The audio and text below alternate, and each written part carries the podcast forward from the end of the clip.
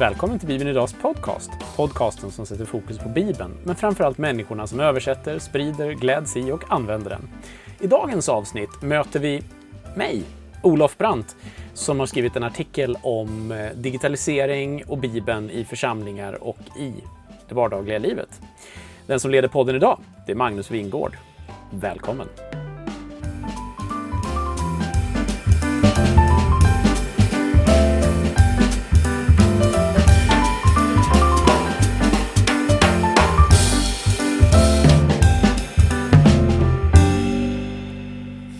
Ja, och med den signaturmelodin i huvudet så välkomnar vi till Bibeln Idags podcast. Idag är det inte Olof som inleder, idag är det Magnus som håller i spakarna och trådarna. Men jag välkomnar Olof Brandt som gäst. Hej! Vad roligt att få besöka podden. I en eh, något annorlunda tappning. Ja, Varmt välkommen! vi har ju gjort det här någon gång förut, att vi liksom byter roller sådär. Ja, ja, ja. Men eh, det som är nytt den här gången är att du faktiskt är här i egenskap av en publicerad författare. Ja, Vågar man säga så? jo men det vågar man väl, för man räknar väl det som så, även om det nu råkar vara en artikel som är publicerad i en antologi, så är det ju någon slags publicering, ja. Precis. Eh, det vi ska prata om idag är eh, den, det senaste numret i Tro och Livs skriftserie som heter Man ska vara sig själv. En bok om ungdomar, tro och delaktighet. Yes. Hur kommer det sig att du skriver i den här? Jo, det är så här att eh, den här skriftserien har ju funnits länge och eh, ges ju ut i samarbete mellan mm, teologiska, eller då mera enskilda högskolan i Stockholm, alltså de som tidigare hette THS, som nu har en gren som heter Teologiska högskolan, tror jag, om jag har förstått dem rätt. Ja. Samt Ekumenia kyrkans medarbetarförbund. Och eh, det var så här att vi hade en konferens i, på eh, EHS eh, 2018, tror jag.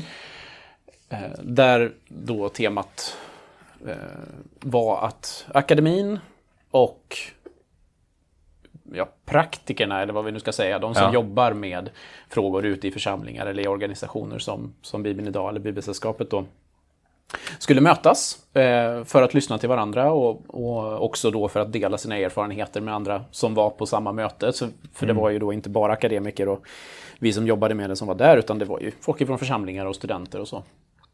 Och då var det ett antal olika forskare som presenterade sina uppsatser eller forskningsområden och så var det ett antal paneldebatter eller panelsamtal ska jag väl säga. Debatt var väl att ta i. Eh, där eh, vi då satt och pratade om ett par olika ämnen och ett av ämnena då var digitalisering och vad det för med sig in i kyrkan. Vad det för med sig när man tänker på bibelläsning och eh, då också i mötet med, med unga, för det var ju det som var eh, en del av temat på konferensen. Du har ju varit intresserad av det här med dig- digitalisering i stort under en längre tid. Ja, det stämmer. Hur kommer det sig?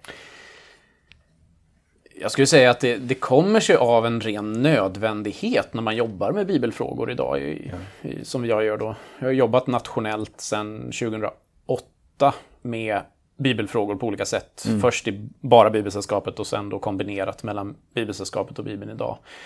Och eh, då, blir det ju, då kommer ju de digitala frågorna som ett brev på posten. Ja. Eh, det sprids ju långt fler digitala biblar idag i någon mening än vad det sprids tryckta biblar.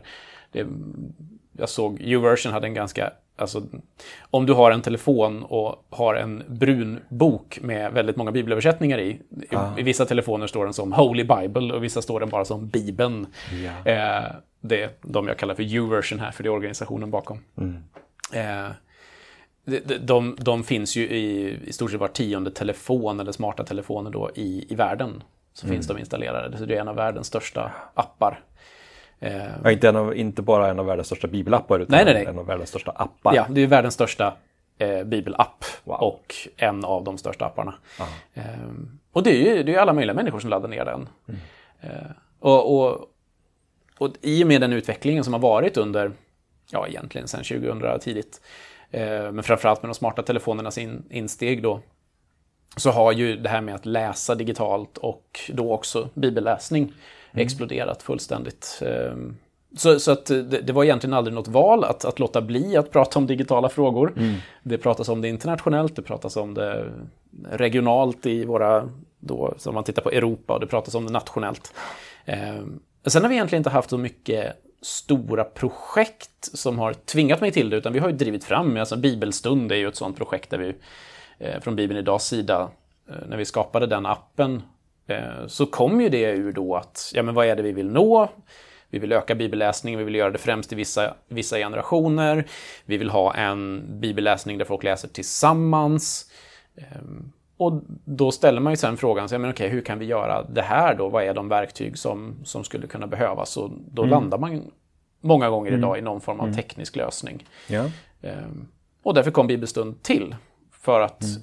framförallt ge verktyg där eh, då en yngre generation känner sig hemma där man hittar ett, en, en plattform där man kan föra ett bibelsamtal utan att behöva vara uppkopplad mot Facebook eller någon annan större plattform. Ehm, det är så Bibelstund är byggt. Ehm, även om många använder Bibelstund för sin egen bibelläsning bara, mm. så är det ju egentligen med den andra funktionen som, som hela projektet kom igång då. Okay.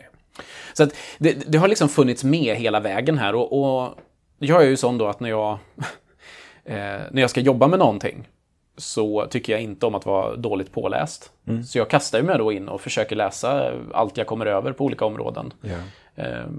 Och har blivit ganska inläst på digitalisering, både i ett sekulärt perspektiv, bara överlag, liksom, mm. eller vad man ska mm. säga, men också då det, det lilla som finns inom forskning och praktik vad det gäller kristna sfärer. Då. Ja, för där blir ju, blir ju området väldigt mycket smalare på en gång. Ja. När man lägger till den kristna tron eller Bibeln. Och, eller... och forskningsunderlaget blir otroligt mycket lägre. Ja. Och det blir väldigt mycket det känns som. Um, yeah. Som när, när jag letade efter, till den här artikeln då, så, så ska den ju vara lite eh, åt det vetenskapliga hållet, även fast jag inte är akademiker. Eh, och då ska det ju vara med fotnoter och Mm. Och sådär, så var, var kommer åsikterna Precis. ifrån som jag presenterar? Precis. Och en del av dem är så här, ja, men jag kan inte plocka upp den här tråden eh, i, i en forskningsrapport någonstans eller i en undersökning, utan eh, som exempel så skriver jag något, vid något tillfälle att när vi lanserade Bibelstund så fick vi rätt mycket respons ifrån människor som sa äntligen har jag fått ordning på min dagliga bibelläsning. Ja. Men jag har ju inga som helst siffror på hur många som har fått ordning på sin dagliga bibelläsning eller hur många grupper som... Men vi kan ju se hur många som laddar ner eller ja. stannar kvar eller sådär. Men egentligen så säger ju sådana siffror otroligt lite om mm. vad det är för typ av bibelläsning, hur mycket det, hjälper människor, eller alltså sådana värden som vi jagar egentligen. Precis. Så, eh, så, så, det blir väldigt snålt. Det blir nästan anekdoter. Ah. Eh, och det är därför som man måste, om man ska förstå det här och försöka jobba med det, koppla på vanlig sekulär akademisk litteratur och forskning. Liksom. Ja. Det som imponerar på mig, som jag, som jag, eller det som jag reagerar på när jag läste artikeln, eh, jag upplever det som att när jag läser artiklar om det digitala samhället eller om digitalisering i stort, så är det ofta med en ganska tydlig agenda i form av att det här är guld och gröna skogar mm. eller nu är apokalypsen här. Precis. Eh, och jag, jag, upplever att du hittar en ganska eh, men en ganska nykter inställning. Eh, där du, tycker jag, belyser både, både fördelarna och fallgroparna. Mm. Det har ju på något sätt varit min... Jag ligger ju i generationen mittemellan lite grann. Mm. Eh, där jag brukar säga det när jag föreläser om det här, att jag minns mitt första sms. Okay. Eh, jag, jag, för, för jag, jag kommer ihåg det väldigt tydligt. Jag stod på busshållplatsen på väg till skolan. Jag hade ganska nyligen fått min första telefon, en Siemens C25, tror jag den hette. eh, om jag minns rätt. Och jag fick ett sms ifrån Telia. Eh, det pep till i telefonen och jag sa oj, vad är det här för någonting? Eh, vad ska jag in nu någonstans? Och då var det här textmeddelandet då att, att nu kan du skicka sms i Telias nät och det kostar så här mycket. Okay. Um, så jag tillhör ju den generationen. Vi hade nästan hela min uppväxt hade vi dator hemma. För min pappa jobbade för Televerket, sedermera Telia. Mm. Um, men det var ju dator, det var ju före Windows-tid. Så att jag, min, min första datatid har ju varit att skriva i, eh, men, Ja. i, ja. i DOS och, och leta på det sättet. Jag var Windows-motståndare när Windows kom en, en gång i tiden för att jag tyckte att de andra systemen jag hade kunde jag ju bättre. Nu kommer sanningen fram Ja. här alltså. Så när Windows 3.0 eller vad det hette kom, då var jag lite, nej, det här är ingenting att ha. eh, men eh, eh, va- varför pratar vi om det egentligen, höll jag på att säga. Jo, men just det, den här balansen. Så jag tillhör generationen, jag är lite generationen mitt emellan. Och jag brukar säga det när jag föreläser också, att, att eh, jag försöker alltid att om du kommer hit och tänker att tekniken är världens räddning och den digitala revolutionen kommer att förbättra allt och sociala medier är, är liksom din livsluft, luft, då hoppas jag att du går ifrån den, den föreläsningen eller den se- seminariet med lite mer tveksam inställning och, och, och Ja. beredd att utvärdera en del av det som sker. Ja. Å andra sidan om du kommer och har bestämt dig i förväg för att sociala medier är från Satan och att eh, mobiltelefonerna är det som förstör världen idag och det är det som ligger bakom allt som sker i politiken. Eh, och därmed kan du inte använda det till någonting vettigt egentligen. Så hoppas jag att du går därifrån och har sett att det finns mycket här av digital teknik som faktiskt kan hjälpa den kristna kyrkan väldigt mycket. Så jag försöker balansera bilden ganska ofta. Ja. Ehm, ja. Bra. Det låter bra. När man eh, slår upp boken så det första man eh, kan läsa där är hur man ska förstå dagens ungdom. Tycks vara en evig och olöslig gåta för oss lite äldre. Är det svårt att förstå dagens ungdom? Ja och nej. Eh, på tal om att försöka ligga i mitten här nu då. Eh, eh, jag skulle säga så här. Jag, jag brukar likna det vid att, att det är som att lära sig ett nytt språk. Eh, du, du, du kan hitta alla möjliga inställningar i forskarvärlden, om det ens... fr- Från att egentligen finns det ingen skillnad mellan generationer till att generationsskillnaderna är så stora att, att det är nästan omöjligt för två generationer att arbeta tillsammans. Eh, att det bara är konflikter. Och, och vi kan ju se lite grann i kyrkan idag hur vi nästan har fallit i den gruppen. Eh, du kan ju komma till en kyrka och, och gå på en söndagsgudstjänst eller gå på verksamheter i veckan och du, du, det finns inte en ungdom. Du hittar inte en 14-åring. Och så tänker du att ja, men den här kyrkan har ju tappat all, alla ungdomar. Det finns ju ingen här. Och sen så råkar du komma in på fredag kväll klockan, klockan 19 och det är 100 pers i kyrkan och ingen är över 20. Eh, Och vi har ju väldigt tydligt segregerat generationerna i kyrkan. Eh, Och det där, det där har jag problem med. Ja, och det tror jag vi borde ha större problem med än vad vi har. Ehm, Men jag tror också att det här kommer sig av en känsla av att, att vi förstår inte varandra, vi når inte fram till varandra. Så å ena sidan skulle jag säga absolut, det, det kan vara svårt att förstå dagens ungdom. Precis som en ungdom skulle säga att det är helt omöjligt att förstå dagens äldre. ja, Alltså det ja. går ju åt båda håll. Eh, och därför brukar jag likna det vid att, att vi som är äldre, vi behöver lära oss ett, ett eh, språk. Ett, andra, ett annat språk, vårt, vårt, eh, alltså inte vårt modersmål. Eh, vi har ett, en, en uppsättning med eh, teknik runt omkring oss. Vi har eh, saker som vi har vuxit upp med. Och de är för oss trygga och de är för oss självklara. I vår generation skulle vi kunna tala om, om, om tv-apparaten och, och hur man i mångt och mycket kunde lägga upp sin, sin fredag utifrån vilka tidpunkter på dagen som, som vissa program var på tv. Ja. Och alla som är under 15 och lyssnar, eller under 20 och lyssnar, så är ju dumma i huvudet. Och då är det ju bara att öppna Netflix eller SVT Play eller vad du har för playtjänst och, och, och välj vad du vill se när du vill se det. Precis. Eller vi tittar på DVD om vi ville titta på serier. Ehm, och, och, och, och de här sakerna, det är det vi känner oss trygga med, det är det som vi kanske helst väljer. Jag kan fortfarande köpa tv-serier på DVD. Även fast de finns på playtjänster lite överallt. Ja. Eh, För att någonstans så tycker jag att det är bra att ha den där Hårdvara. hyllan. Och jag kan ta fram den. Och om internet inte funkar, Magnus, måste jag fortfarande kunna titta på min tv-serie. Ehm, och och, och, och det, det här gör ju att... Jag, menar, jag insåg när jag pratade med mina barn vid något tillfälle, jag tror att det var något sportevenemang på tv. Och jag försökte förklara för min tioåring att nej, du kan inte se det här nu, för matchen börjar om två timmar. Ja. Vad, vadå? Ja, någonstans förstod han ju konceptet att ja, men den här matchen spelas ju på riktigt någonstans, den är inte påhittad. Ja. Men då kan vi bara titta på en sen då. Nej, alltså nu har inte jag den playtjänsten så att jag kan betala 500 spänn i månaden eller vad det var för att kunna se just den matchen just då. Utan ska vi se den så går den på tv klockan åtta.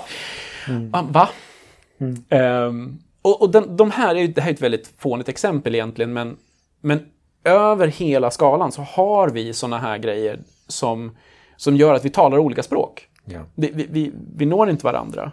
Mm. Och det här blir ju kyrkans värld extremt tydligt när du kommer in på till exempel hur man hanterar sociala medier eller hur man umgås. Jag menar, hur många föräldrar har inte sagt ut åt sina, sina tonårsbarn eller sin kanske 12-åriga son att sluta spela dataspel och gå och umgås med dina vänner istället. Ja. Och 12-åringen säger, det är precis vad jag gör. Jag umgås med mina vänner. Precis. Eller sluta spela dataspel för att du, du har ju en, en karriär att, att uh, hitta. Och, och 12-åringen säger, ja men jag ska bli YouTube-stjärna eller jag ska mm. bli eh, tv-spels mm. eller dataspelsexpert och tjäna miljoner som mm. de här. Um, och alla generationer har sånt. Någon ja. skulle bli fotbollsproffs eller någon skulle bli tennisstjärna eller vad, vad som helst. Va? Och, och man behöver förklara för ungdomar att ja, men, det är fem stycken som tjänar de miljonerna. Mm. Det spelar ingen roll om du vill bli fotbollsstjärna eller, ja okej, okay, det finns väl några fler kanske än fem. Men, och, och, och, och här är det ju vi som äldre som behöver ta den ja men vänta nu, jag måste förstå. För, för mig som spelade Super Mario på Nintendo och ville jag spela två så fick jag koppla in en dosa och du fick komma hem till mig Precis om vi skulle umgås. Precis så. Jag behöver förstå att det jag gjorde när jag var 12 och satt och spelade med mina kompisar och vi skickade handkontrollen mellan varandra. Mm. Det tyckte jag var relationsbyggande. Ja det kan också relationsbyggande vara. Alltså den typen av relationsbyggande har flyttat lite idag. Ja, samtidigt som det finns en enorm skillnad i att det är på distans. Ja, och, och här kommer du in på jättestora andra frågor. Ja. Hur, hur förändrar då tekniken vänskap? Hur förändrar tekniken eller sociala medier eller mm. eh, att lära känna varandra via, mm. via chattservicer när du, när du eh, spelar? Mm. Um, och och här handlar det ju så mycket då om från vår sida att vi måste ta ett steg tillbaka och våga försöka förstå innan vi säger ja. det där kanske behöver kompletteras. Ja. Eller det där kanske du kanske behöver gå och träffa dina kompisar också. Precis. Ja, och jag tänker som kyrka, hur mycket ska vi vara mot kultur ja. Och bara anti och, och, hur mycket ska vi, ska vi ta till oss? Mm. Och där säger jag ju direkt att du ska aldrig bara vara anti. Nej. Nej. Eh, och du ska aldrig bara svälja allting. Mm. Eh, mitten, mitten igen här då. Eh, för att det, det, finns jättemånga saker. Eh, och mitt favoritexempel är att jag menar, det finns massor med kristna idag. Vi har inga siffror på det.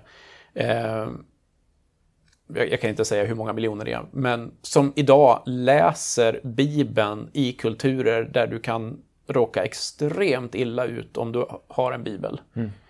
Du har ju bibelläsare i Nordkorea, i Saudiarabien, i um, överallt liksom där det är förtryck mot kristna. Mm. Och um, Uversion släpper ibland statistik där man visar hur många lästa kapitel du har i Nordkorea mm. via deras system eller mm. i, i Saudiarabien eller vad det är. Um, och det, det, det, är ju, jag menar, skulle vi ta bort all digital teknik så skulle de här människorna helt enkelt inte ha en bibel att läsa. Precis.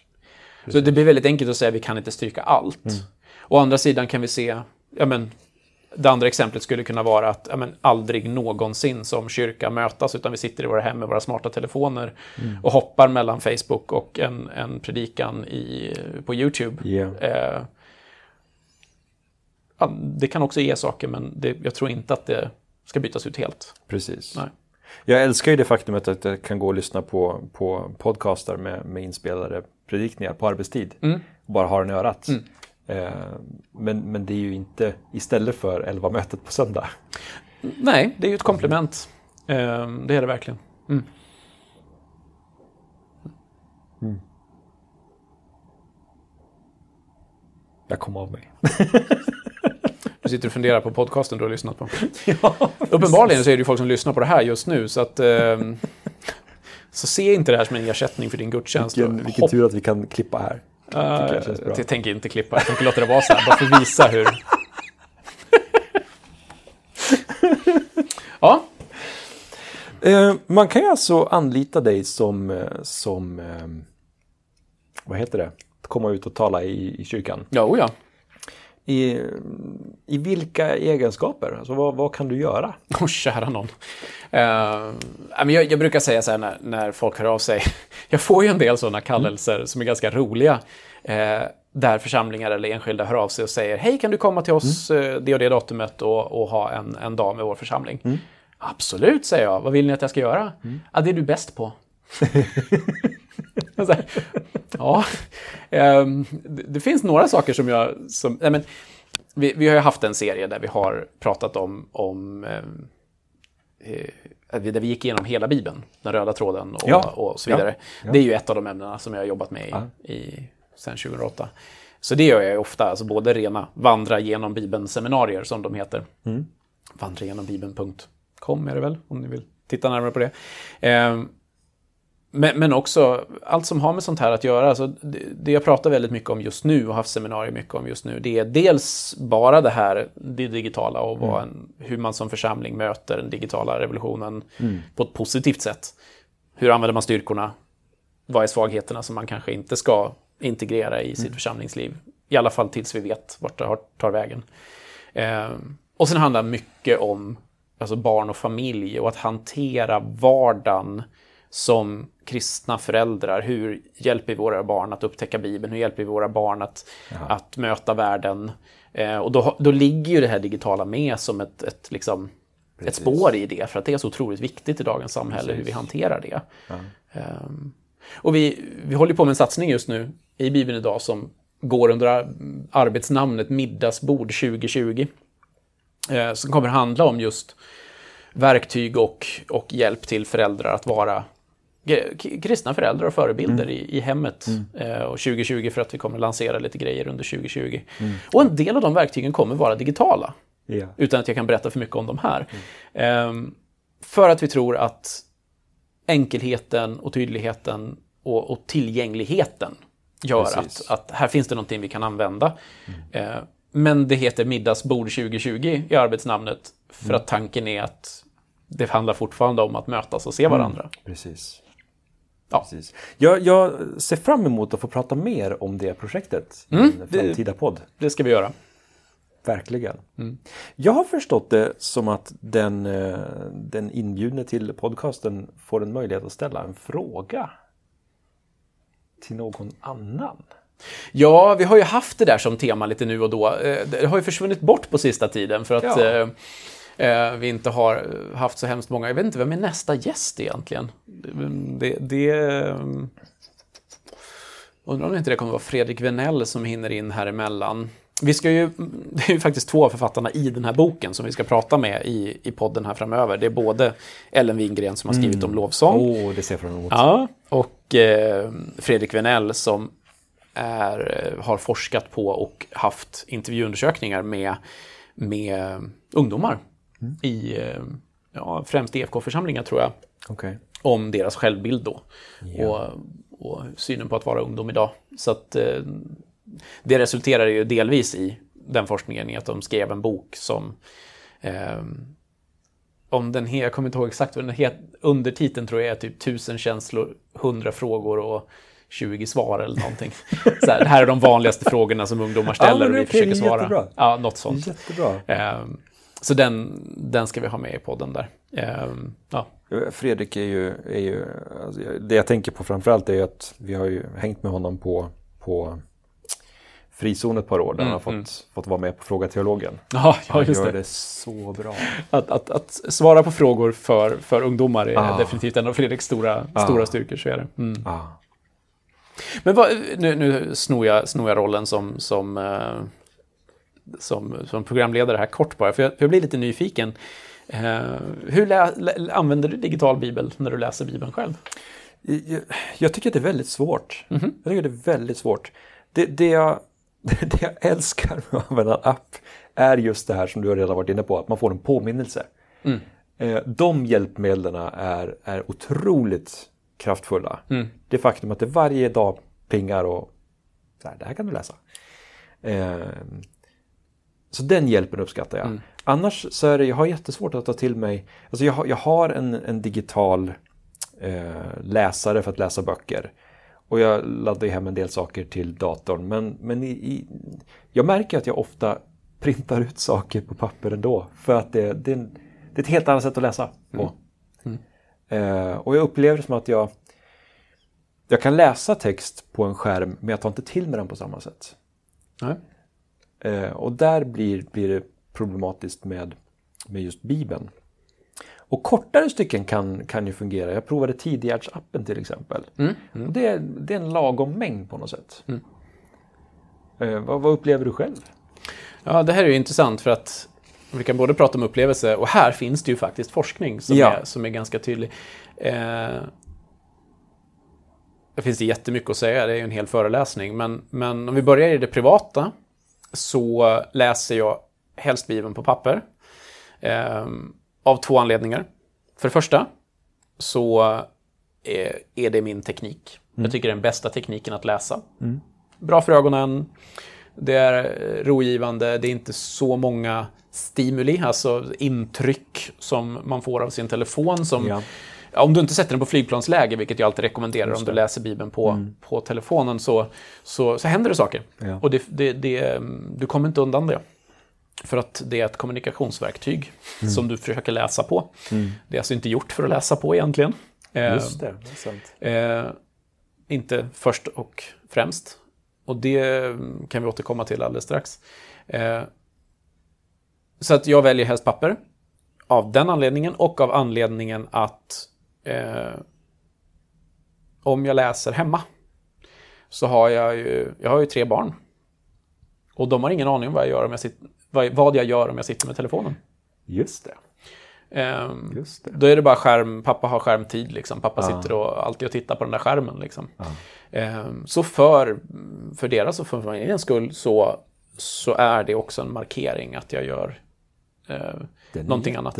Sen är det ju, alltså, det är kul, man ser ofta den här, eh, folk, folk klagar på att alla sitter med sina telefoner och sen är det alltid någon som kontrar med att slänga upp en bild på, den är från 30-talet någonstans, där alla står med en dagstidning framför Ja, sig. ja, ja. Eh, eller man kan läsa i såna här fantastiska, eller skrämmande, beroende på vilken syn man har.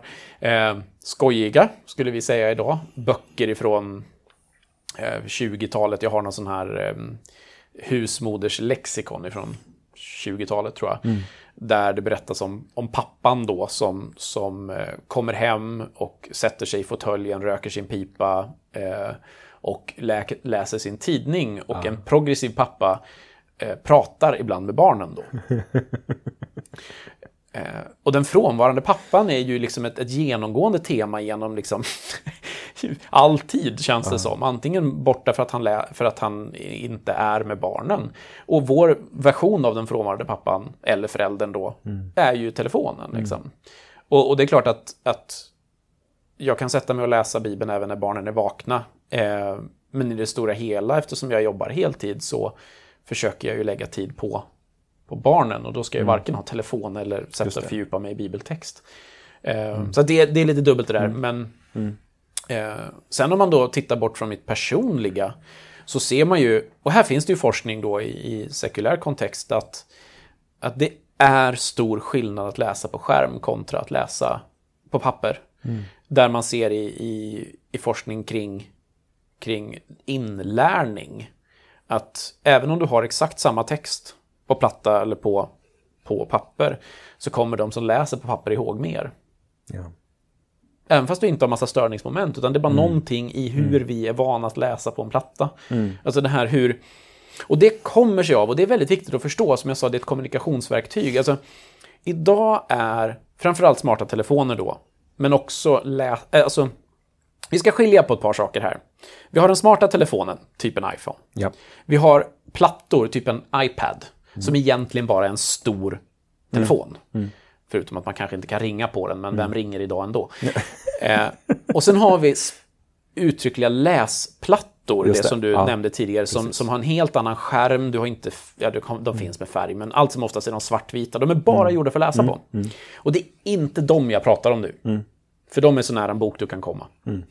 Eh, och de har jag inte sett någon forskning på, ska jag säga. Utan det här är liksom iPaden eller Ja. motsvarande jag pratar om.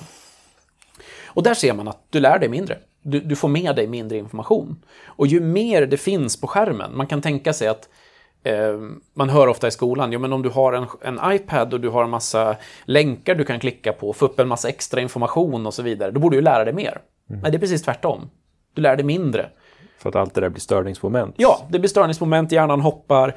Och inte bara det, utan vår hjärna har lärt sig att på skärm skummar jag text. Jag djupläser inte text. Och det kommer ju av att, att vilka är det som gör telefoner? Vilka är det som gör de här systemen? Ja, men Google är ju en av drakarna. Liksom. Och vad bygger hela Googles affärsmodell på? Att gå in på Google och söka är gratis. Varför är det ett mångmiljardföretag? Jo, för att de säljer annonser. Mm. Bland annat. Och de vill att jag ska klicka vidare. De vill att jag ska klicka vidare. Jag ska se så många sidor som möjligt på kort tid. För att då ser jag fler annonser. Jag har större möjlighet att, att liksom, ja, fastna i deras plattformar. Va? Ja. Och eh, jag har ett citat med i boken någonstans från en av deras chefsutvecklare som, som säger att ja, men alla deras... Ja, så här säger hon. Vårt mål är att få användare snabbt, att gå snabbt in och ut. Alla våra beslut om design är baserade på den strategin. Ja. Och, och, och, och sug på den en stund. Om alla designbeslut på din telefon bygger på högt tempo, bygger på att du inte ska djupläsa en artikel. Och, och du skolar din hjärna att när jag tar upp telefonen så är det det här jag gör. Just det. Jag menar när du tar upp telefonen kort på bussen, när du står i kön till bankomaten, haha, vem gör det? Eh, någon annan kö. Så slänger du upp telefonen och tittar på den. Inte Ja. det för att du ska läsa en 20 minuter lång artikel. Nej. Utan det du gör är ju att du vill ha något kort, något snabbt, någon impuls till hjärnan, något, något som... Precis. Och det är vad du är skolad till. Och så försöker du läsa Bibel på den plattan. Ja. Och, och hur ska jag stå emot det här? Ja, det är ju... Men, och, och, jag tror att det är eh, Lanier som har skrivit den. Man, man förstår vad han står i frågan. Hans bok heter 10 skäl till att du gärna ska radera alla dina sociala medier eller något sånt där. Men han, han säger så här, men du tror att du kan kontrollera dina impulser och du tror att du kan kontrollera hur, hur, hur du hanterar din telefon. Men, men betänk då att några av världens största och rikaste företag mm som har anställt några av världens smartaste människor har den mesta datakraften du, du har, har haft i världshistorien. Ja. Alla de, alltså både de smarta människorna, pengarna Ja. och, och datakraften, är riktade mot att få dig att göra vissa beslut. Precis. Precis. Att då tro att ja, men det är klart att jag klarar av att hantera det här, det är lite blåögt. Ehm, och sen så ska man... Det är å ena sidan. Å andra sidan så kan man ha mycket nytta av, av telefonen. Jag måste ju hela tiden säga Ja, det, ja, för att ja, ja. när man betonar den ena sidan så är det lätt att ja, men det är klart att jag inte kan ha telefonen. Va? För, för å andra sidan så använder jag då, för att tillbaka till den frågan där vi börjar, eh, så använder jag min telefon att läsa på, till exempel min, min dagliga bibelläsning eh, från Bibeln idag, använder jag många gånger vår app till. Ja. Eller när jag är ute och reser så, i internationella sammanhang så, så läser jag på andra språk. Jag har inte fyra biblar med mig. Eh, och jag använder, när jag förbereder predikningar eller så, så använder jag ett bibelstudieverktyg i datorn. Ja. Ehm, Men då är det viktigt att försöka kapa av de där kanterna, de negativa delarna av det. Jag måste vara medveten om att min hjärna kommer ha svårare att djupläsa. Kan jag hjälpa den? Kan jag slå av notiser? Kan jag sätta mig i flygplansläge? Alltså slå av all, all inkommande trafik. Ehm, för att underlätta. Bara som anekdot, mina, jag, jag är tonårsförälder och mina två tonårsdöttrar var på ett eh, miniläger förra veckan med, eh, med sin eh, eh, ungdomsgrupp. Ja. Så de åkte ut, bodde i en stuga över natten, eh, strax utanför stan. Ja. Inga, inga större problem. Men vi har så crappy abonnemang så att de hade ingen täckning. Oh. Eh, så de var utan täckning i, i, eh, skulle uppskatta det till kanske 18 timmar eller något sånt där. Aj, aj, aj. Eh, och vi åkte och hämtade dem och på vägen hem, alltså vi pratar en 10 minuters resa kanske. Jag kunde inte räkna alla aviseringar som kom Nej, nej. när telefonerna skulle komma ikapp. Just det. Jag bara rasslar i dem hela tiden, hela tiden, hela tiden. Och jag tror att jag har en ganska mörk syn när det kommer till framförallt sociala medier. Där, där nej men precis som du är inne på, alltså hur, hur kan vi kan vi hantera det här på ett ansvarsfullt sätt? Kan vi vänja oss vid det här? När, när systemet så uppenbarligen inte är gjort för det. Nej.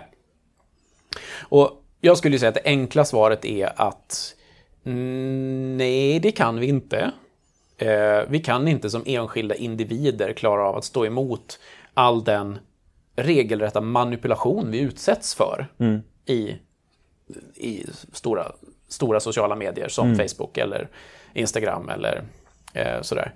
Ehm, Däremot, det man kan göra och det som ju pågår just nu är ju en påtryckningsverksamhet både från lagstiftare eh, och från frivilliga organisationer och ifrån andra att faktiskt förändra. Eh, och bara i de senaste uppdateringarna i både iPhone och Android så börjar det komma till funktioner som gör att, att du till exempel jag vet inte om den uppdateringen har hunnit ut eller om den är på väg, där appar, till exempel appsymboler, släcks ner till grått när du har använt dem ett tag. Okej. För att visa att ja, men du har använt Facebook nog för idag. Oh, wow. Eh, och, och det är inte automatiskt, du får ställa in det då va, såklart. Ja, men det fi- går. Det finns en massa sådana hjälpmedel. Jag kör min telefon på svartvitt Det där, nästan hela kan, du, tiden. kan du berätta om det där lite? För, för att du, du hjälpte mig att, att, att fixa det på min telefon. Ja. Jag hade aldrig trott att det skulle vara så stor skillnad. Nej. Det, det här, en av de frivilliga organisationer som jobbar för ett, eh, de kallar det för humant teknologiskt klimat på svenska tror jag.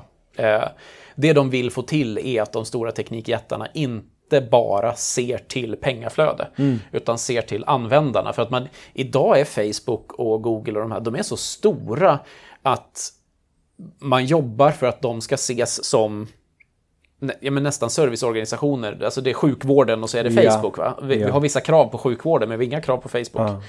Eh, vilket är helt sinnessjukt.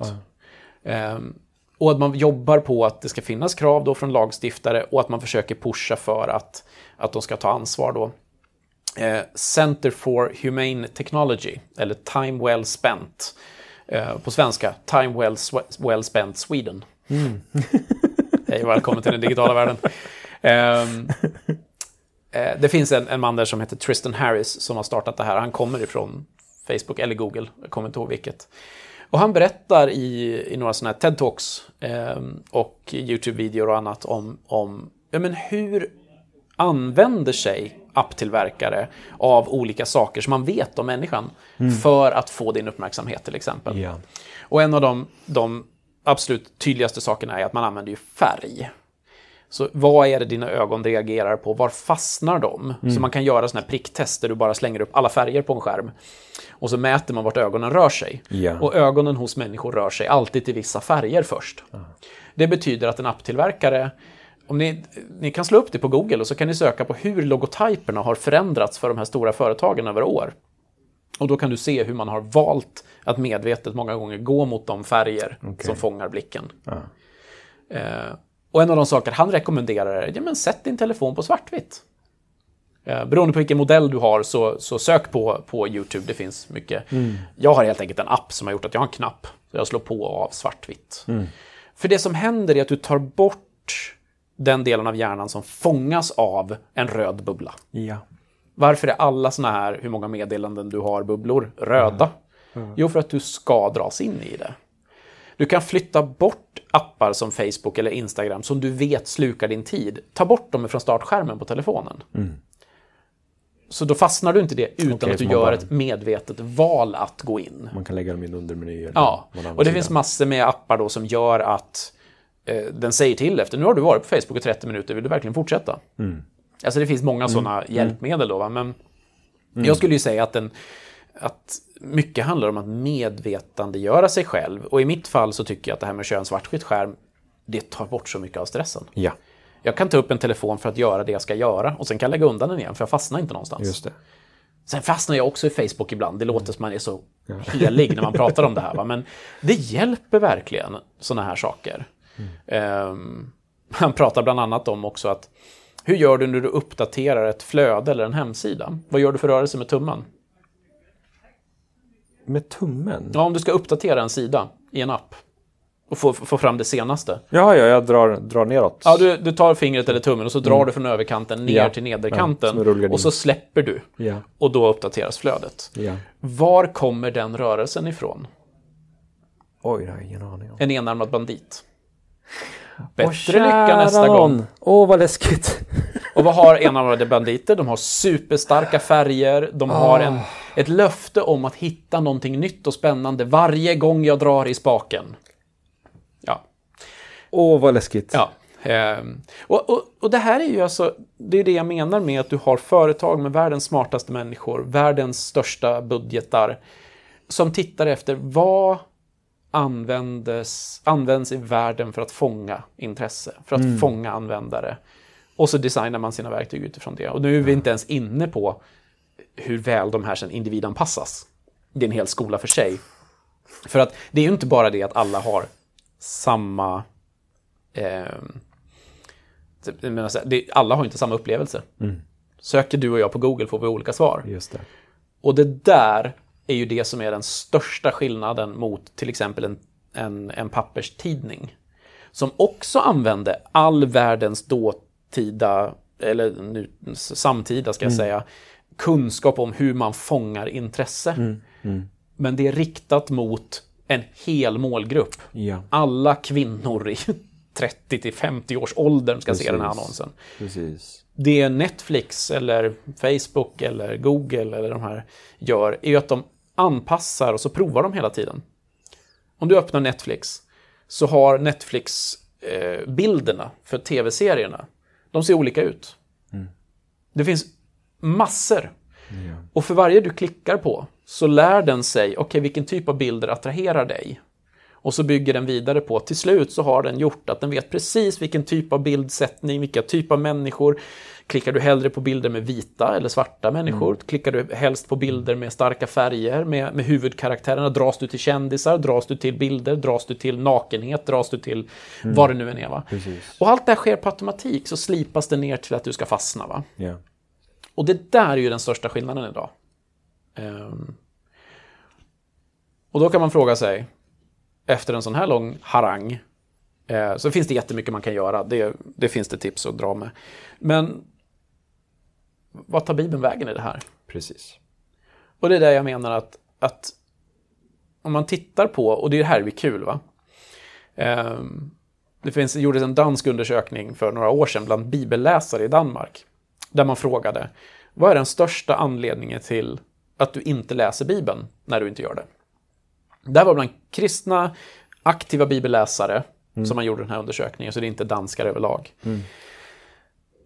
Och de vanligaste svaren var inte, jag har ingen kunskap, jag förstår inte vad jag läser, Bibeln är svår. De kom långt ner på listan. Anledningen till att man inte läste var, jag kommer inte ihåg, jag hittar inte rutinen, jag har inte tid att göra det. Ja. Och alla de här sakerna, och ett par till på den listan, där kan ju faktiskt den digitala tekniken hjälpa till. Den där, den där undersökningen var så fascinerande för mig för att utifrån mitt, mitt arbete med Bibelsällskapet Ja. så, så jag vill ju gärna lösa människors problem med Bibeln. Om man tittade på sådana saker som att men vi behöver en bra produkt. Ja. Som du säger, det kom långt ner på listan. Det var inte det som var intressant. Ja, men vi, vi släpper bibelguider Ja. i, i mängd i Bibeln idag. Ja. För att ja, men de läses och används. Men det är inte huvudanledningen till att folk inte läser Bibeln. Nej. Det är inte att de behöver en bibelguide. Även om den kan hjälpa. Va? Ehm, och här kommer ju då den digitala tekniken in. Och faktiskt, du nämnde påminnelser tidigare. Det finns en liten undersökning, jag får betona att den är liten, för den är i bara ett par kyrkor i, i USA. Ehm, där man gjorde så att man delade ut en bibelläsningsplan. Och så eh, såg man till att några läste digitalt, några läste på papper. Och så mätte man sen. Hur gick det? Hur länge höll ni ut? Hur länge fortsatte ni läsa? Och den grupp som läste överlägset längst, det var män som läste digitalt, de läste i snitt ehm, ja, 200 procent, alltså längre tid, Wow, än vad kvinnor som läste på papper gjorde. okej. Eh, och det manliga kvinnliga, det, det, orkade man inte ens dra vidare, för det var en ganska liten undersökning. Ja. Men det här med det digitala, det, det, då frågar man ju liksom, men varför? Ja, men för de blev påminda. Ja, okej. De Så fann tiden att Ja. läsa, för att jag kunde läsa det här på vägen till jobbet. Ja. Eller var man nu var- skulle någonstans. Va? Så det blev av. Mm. Och då ska jag ju säga att bibelläsning som blir av är i stort sett alltid bättre än bibelläsning som inte blir av. som folk som frågar mig vilken översättning ska jag ha? Ja. Då brukar jag alltid svara den du faktiskt läser. Spelar ingen roll om du hittar den som är mest korrekt. En annan fråga. Eh, om du inte läser den. Jag lyssnade på Wasserman. Eh, Ja. Din intervju med honom. Så, och, och, och här så kommer ju faktiskt den digitala tekniken in och hjälper. Och då har vi, om man ska koppla ihop det vi har pratat om, så, så här händer ju också någonting med generationer. Just det. Alltså, men en generation som då växer upp med telefonen mer än fast, fastlimmad i handen. Hur uppfattar de en bok? Det vet vi inte. Nej. För det som var också intressant i den här undersökningen var att man skrapade på ytan av en sak som jag skulle vilja forska mycket, mycket mer på.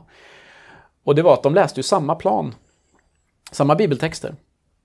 Men man frågade dem vid ett par tillfällen, hur, upp, hur upplevde du, eller hur kände du när du hade läst den här texten? Okej. Och de kände extremt olika saker beroende på om de hade läst på platta eller om de hade läst Okej. i papper. Wow. Och där är vi inne någonstans. Nu blir det väldigt intressant. Ja. Klart fler kände sig förvirrade som hade läst i plattan. Eller på telefon. Men fler kände sig... Det var inte bara negativa, utan det var även positiva saker. Men om det var, med en brasklapp för att jag minns det här fel nu. Eh, alltså typ så här... Eh, man kände sig... Fler i papper kände sig upplyfta, eh, liksom så här. Men fler i digitalt kände sig upplysta och informerade och kände att man kan mer, förstår mer. Huh. Eh, det var någon sån, det kan ha varit någon annan känsla, men, Ja, ja. men överlag så var det en statistisk skillnad på vilka känslor du hade av att ha läst. Det här är inte ens övervägt. Nej.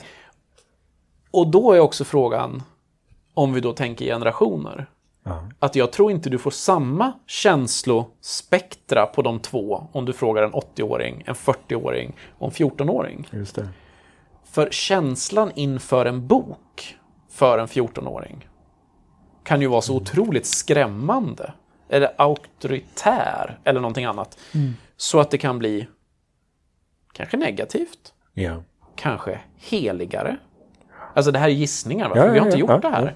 Men det gör skillnad vilket medium du använder. Det är det som är så fascinerande med det här, att det, allting är så nytt. Ja, vi vet inte. Nej. Och därför bör vi inte vara längst fram på barrikaderna och förändra snabbast av alla.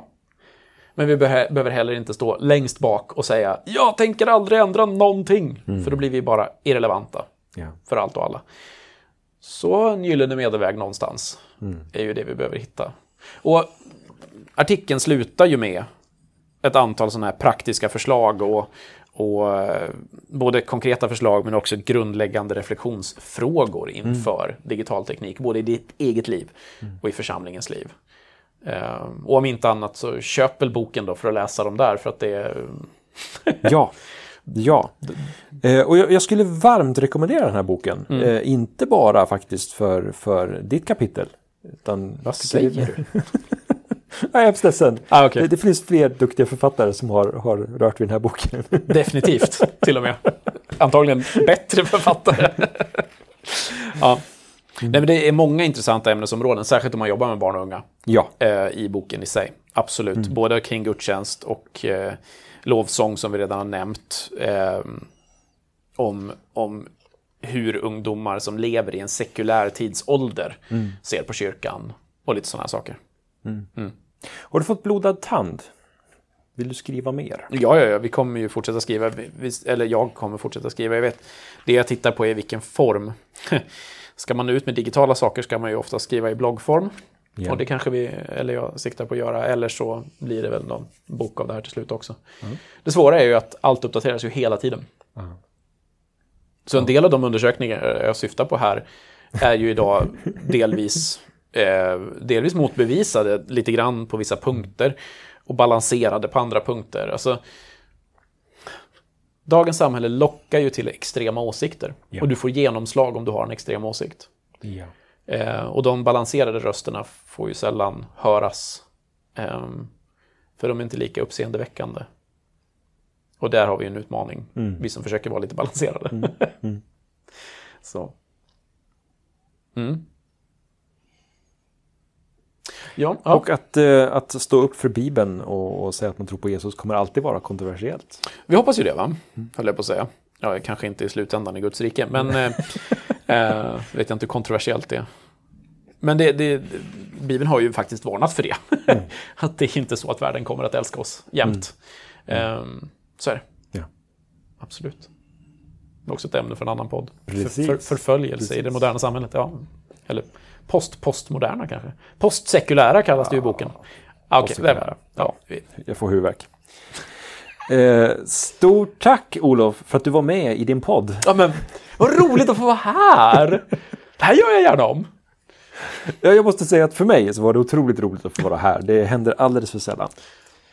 Ja, du bara jobbar ju. Jag bara jobbar. Ja, ja det är sant. Ja. Men jag lyssnar med, med stort välbehag. Det, det är roligt. Vi ska säga det också att, att eh, boken finns ju såklart i, i bokhandeln att köpa. Och jag tänkte faktiskt eh, snika in lite reklam här på slutet. För att den går att köpa via Bibeln Idags eh, hemsida.